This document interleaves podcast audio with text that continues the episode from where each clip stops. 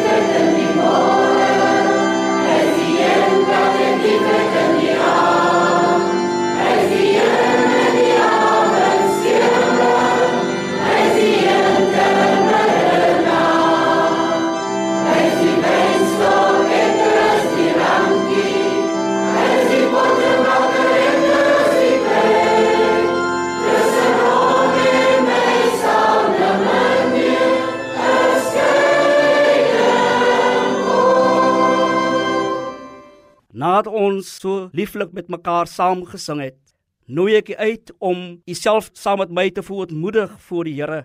En as ons saam met mekaar lees die samevatting van die wet van die Here uit Matteus 22 vers 34 tot 40 wat soos volg lei: Toe die Fariseërs hoor dat Jesus die Sadduseërs die mond gesnoer het, het hulle bymekaar gekom en een van hulle, 'n wetgeleerde, het hom met 'n vraag probeer vastrek. Meneer, vra hy, wat is die grootste gebod in die wet? Jesus antwoord hom: Jy moet die Here jou God lief hê met jou hele hart en met jou hele siel en met jou hele verstand.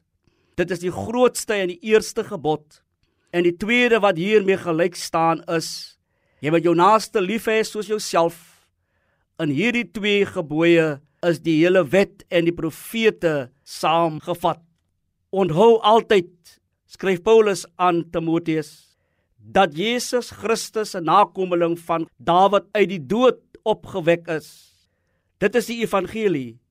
As ons saam met hom gesterf het, sal ons ook saam met hom lewe. As ons in die geloof volhard, sal ons saam met hom regeer. As ons hom verloon, sal hy ons ook verloon. As ons ontrou is, hy bly getrou Hy kan homself nie verloon nie. 2 Timoteus 2 vers 8 tot 13. Maar sê 1 Johannes 1 vers 8 tot 9. As ons beweer dat ons nie sonde het nie, bedrieg ons onsself en is die waarheid nie in ons nie. Maar as ons ons sondes bely, hy is getrou en regverdig. Hy vergewe ons ons sondes en reinig ons van alle ongeregtigheid. Kom ons bely nou ons opregte geloof en doen dit saam met my daar waar u is.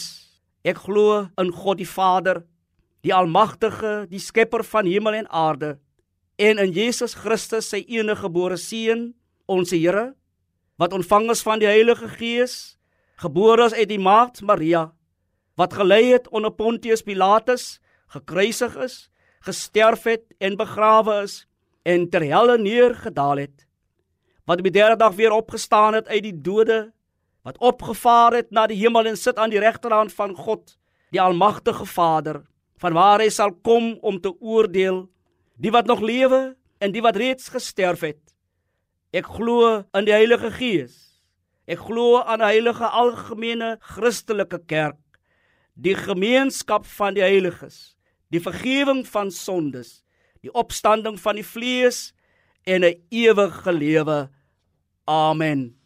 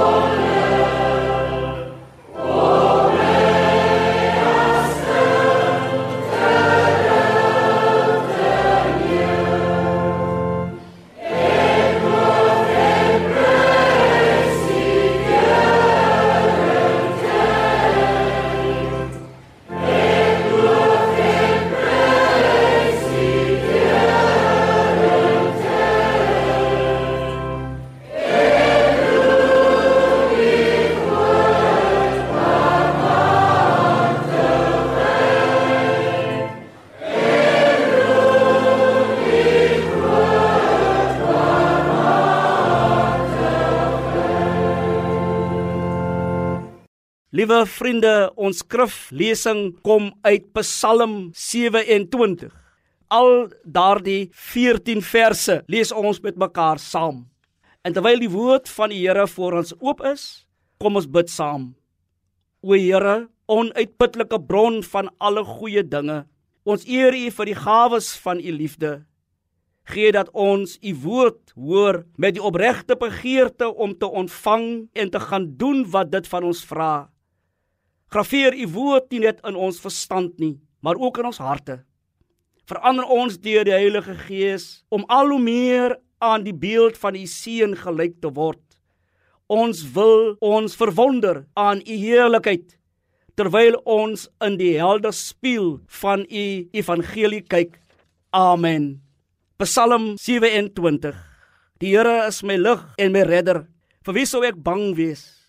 Die Here is my toevlug Vir wie sou ek vrees as misdadigers op my afstorm om my dood te maak? My teestanders en my vyande, dan is dit juis hulle wat struikel en val. Alsou 'n leer teen my stelling inneem, sal ek nie bang wees nie. Selfs al sou die aanval op my begin, sal ek nog steeds vertroue hê.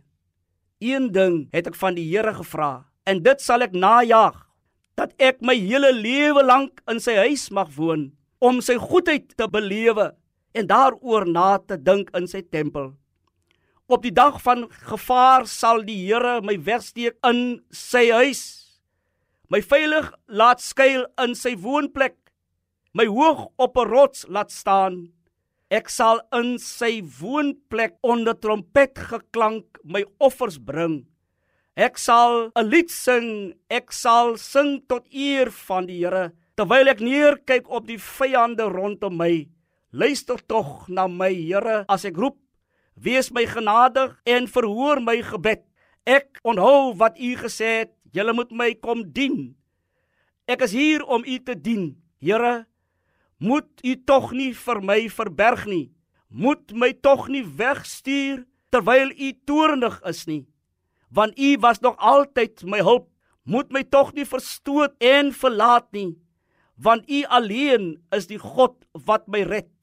Alsou my vader en my moeder my verlaat, die Here sal my onder sy sorg neem. Leer my u wil, Here, en lei my op 'n gelykpad sodat my vyande nie hulle sin kry nie. Moet my tog nie oorgee aan die vernyn van my teestanders nie, want daar staan vals getuies teenoor my en hulle blaas geweld teen my aan as ek darm nie geglo het dat ek die goedheid van die Here sal sien in die land van die lewendes nie. Vertrou op die Here, wees sterk en hou goeie moed. Ja, vertrou op die Here. Dit is die woord van die Here. Gelukkig is elkeen wat die woord van die Here hoor en nog gelukkiger is die wat daarvolgens leef. Susters en broeders, jong mense en kinders, luisteraars Ons tema by hierdie geleentheid is die hoopvolle les dat dit moontlik is om in God te glo, hom te vertrou en in afhanklikheid na hom alleen op te sien. Te midde van 'n intense ervaring van die negativiteit van die lewe. Vandag is dit die 4de Sondag van Epifanie. Die woord Epifanie dui op die verskyning of manifestasie van God in die wêreld. Die woord het sy betekenis in 'n ou oosterse kerklike fees waar tydens die geboorte en doop van Jesus gevier is. Epifanie word tematies ten nouste verbind met veral die doop van Jesus, maar ook die bruilof by Kanaan. In die geheel word daar in die tyd na Epifanie, wat ook die begin is van die lydingstyd, gekonsentreer op Jesus se lewe hier op aarde tot hy die lydenspad begin loop het. Wat is die oorkoepelende doel van ons Christelike lewe? Coram Deo vang die kern van 'n Christelike lewe vas. Letterlik beteken dit iets wat plaasvind in die teenwoordigheid van God. Dit beteken om jou hele lewe in die teenwoordigheid van God te leef onder die gesag van God en ter verheerliking van God. Om in die teenwoordigheid van God te leef beteken dat ons weet dat wat ons ook al doen, God sien. Daar is geen plek so afgeleë dat ons sy blik kan ontsnap nie. Dit beteken ook dat ons 'n lewe van integriteit moet leef. Ons verdeel nie ons lewens in twee kompartemente nie. Daar moet geen verskil tussen ons optrede in die kerk en na buite wees nie. Dit moet 'n lewe wees wat oop voor God lê.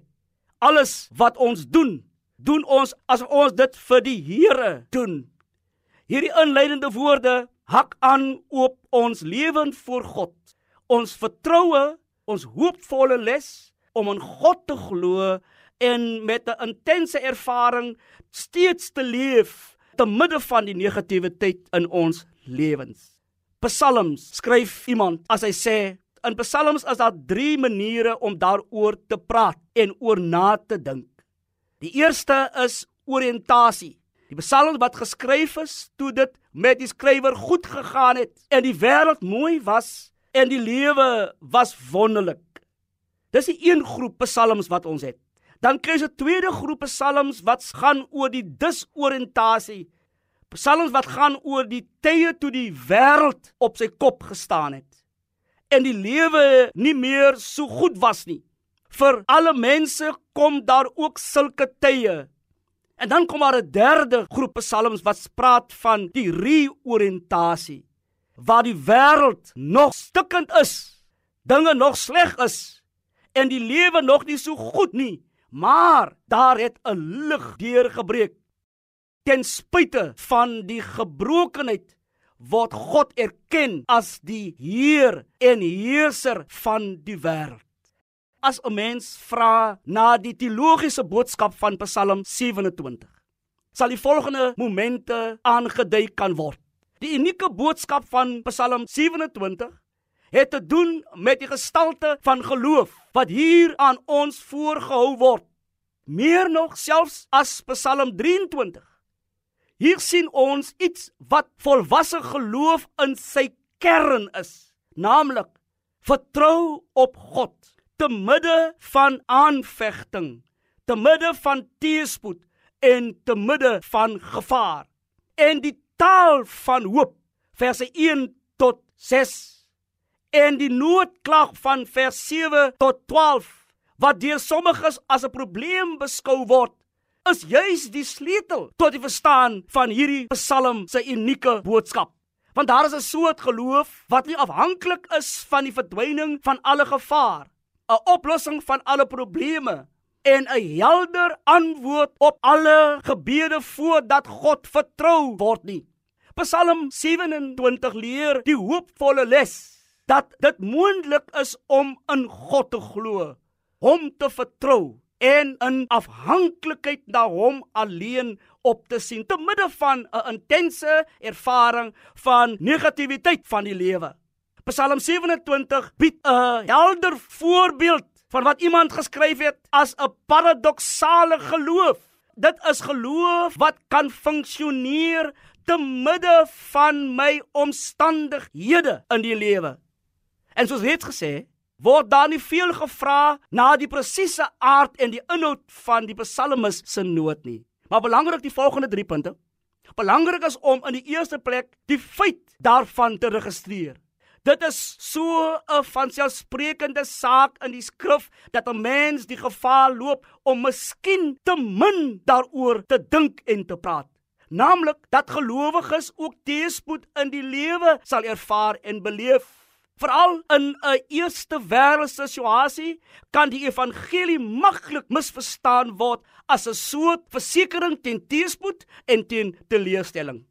Psalm 27 saam met soveel ander psalms en so 'n groot deel van die skrif wil ons herinner dat negativiteit ook deel van 'n gelowige se lewe is. 'n Tweede opmerking Dit is verder duidelik dat Psalm 27 dat die gelowige dit nie altyd reg kry om rustig en met gemoedsrus deur hierdie ervarings te gaan nie. Daar is oomblikke wanneer ons meen om dit reg te kry, maar dan is daar ook oomblikke wanneer ons beheer verloor en oorval word deur die vrees en die angs. Die kerkhervormer het na aanleiding van sy kommentaar op Filippense 4 gesê: Ons mense is nie van yster gemaak nie. Daarom gebeur dit soms dat die slegte dinge wat oor ons kom in die lewe ons ontstel en ons bang maak. 'n Derde boodskap van Psalm 27 is ons hoor en ons leer uit ons nood. Want dit is belangrik dat die nood nie ervaar sal word nie, maar dat dit ook uitgespreek sal word voor die aangesig van God. En dit wat gebeur in byna die helfte van die psalms is die klaagpsalms wil ons daaraan herinner dat nie net dank en lof nie, maar dat kla ook gebed voor God is.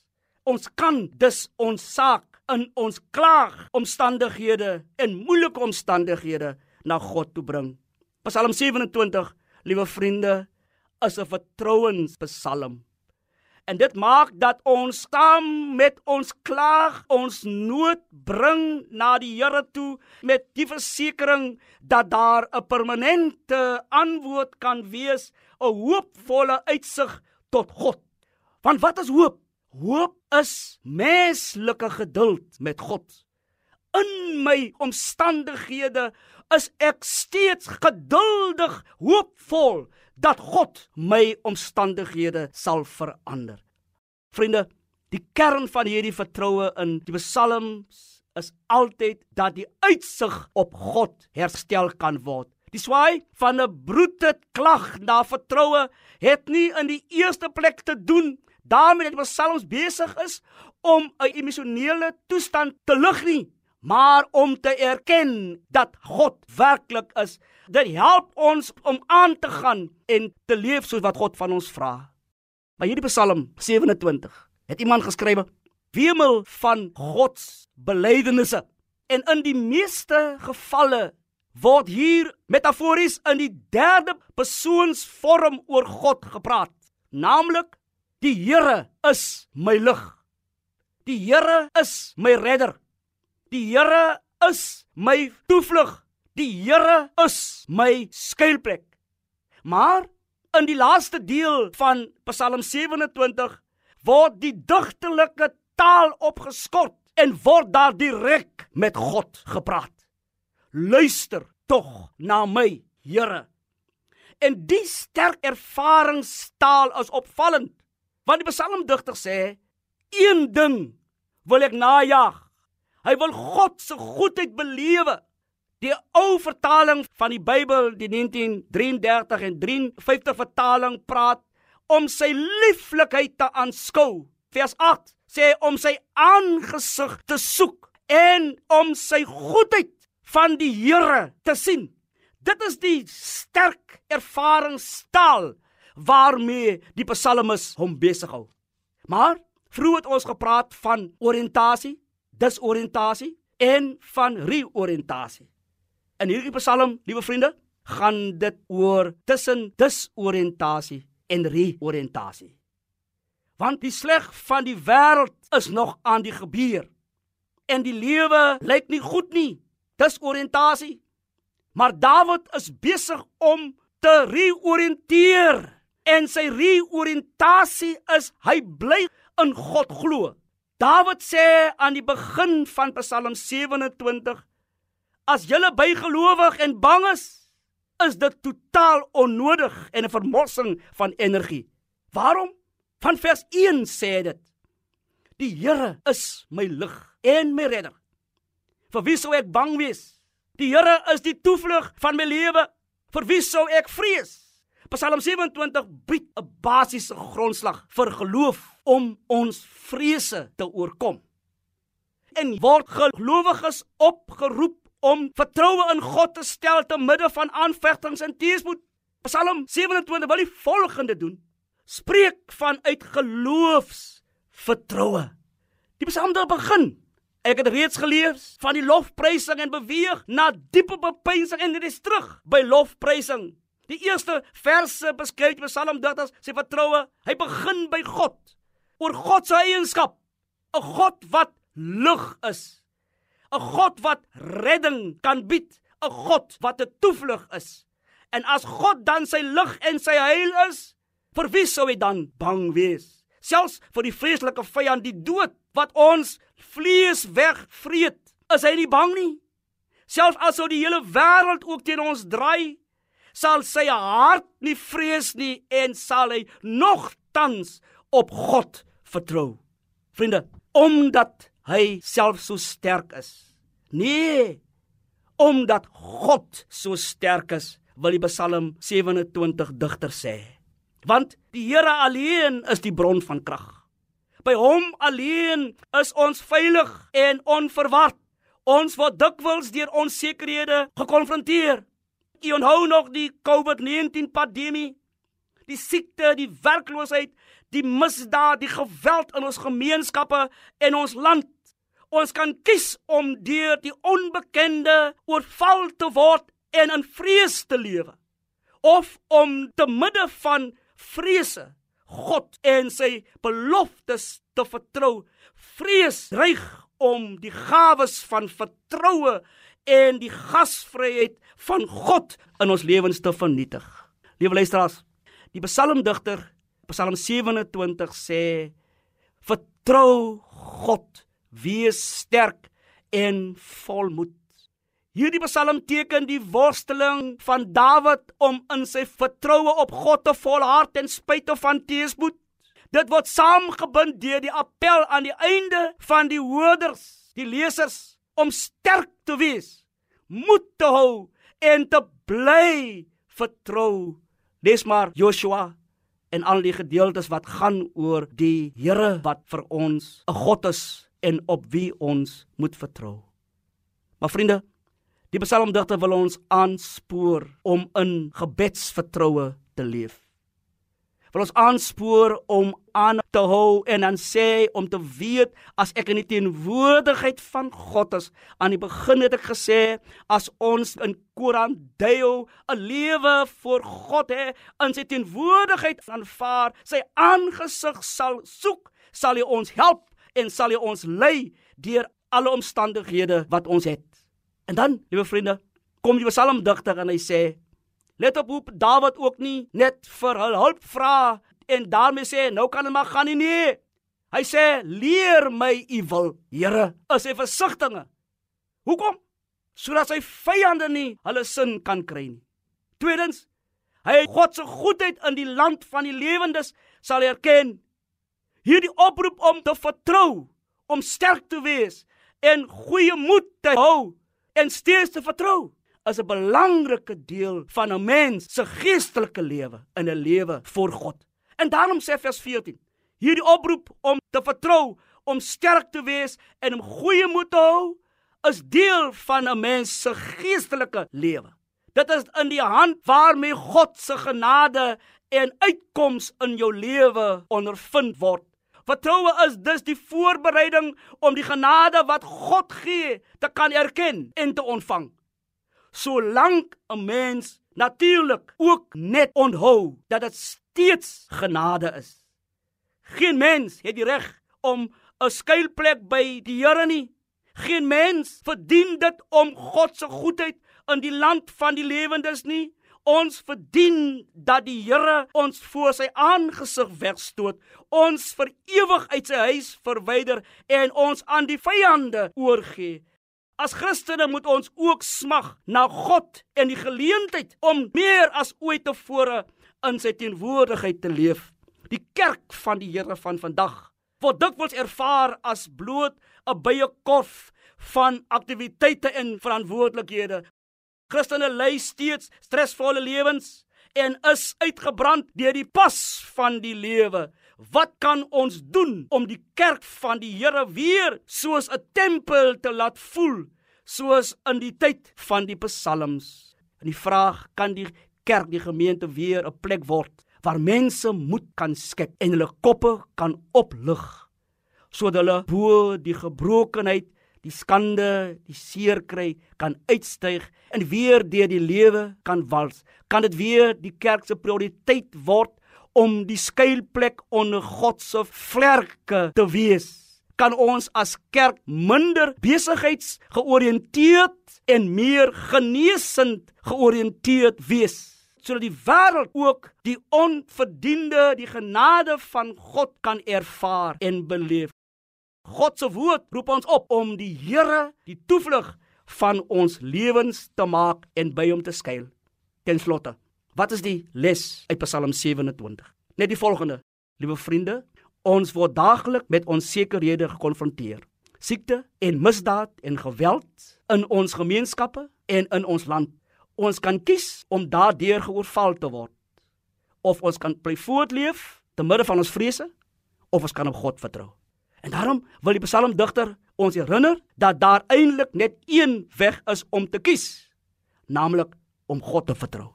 Dit wil vir hom voorkom asof God daar ver is, asof God sy verbintenis met hom verbreek het. Soms dit voel mense ook so, maar in sy diepste nood in die donkerte van jou lewe, in die negatiewe punte van jou lewe en omstandighede, sê die psalmdigter, vertrou op God, smag na hom, leef in verhouding met hom.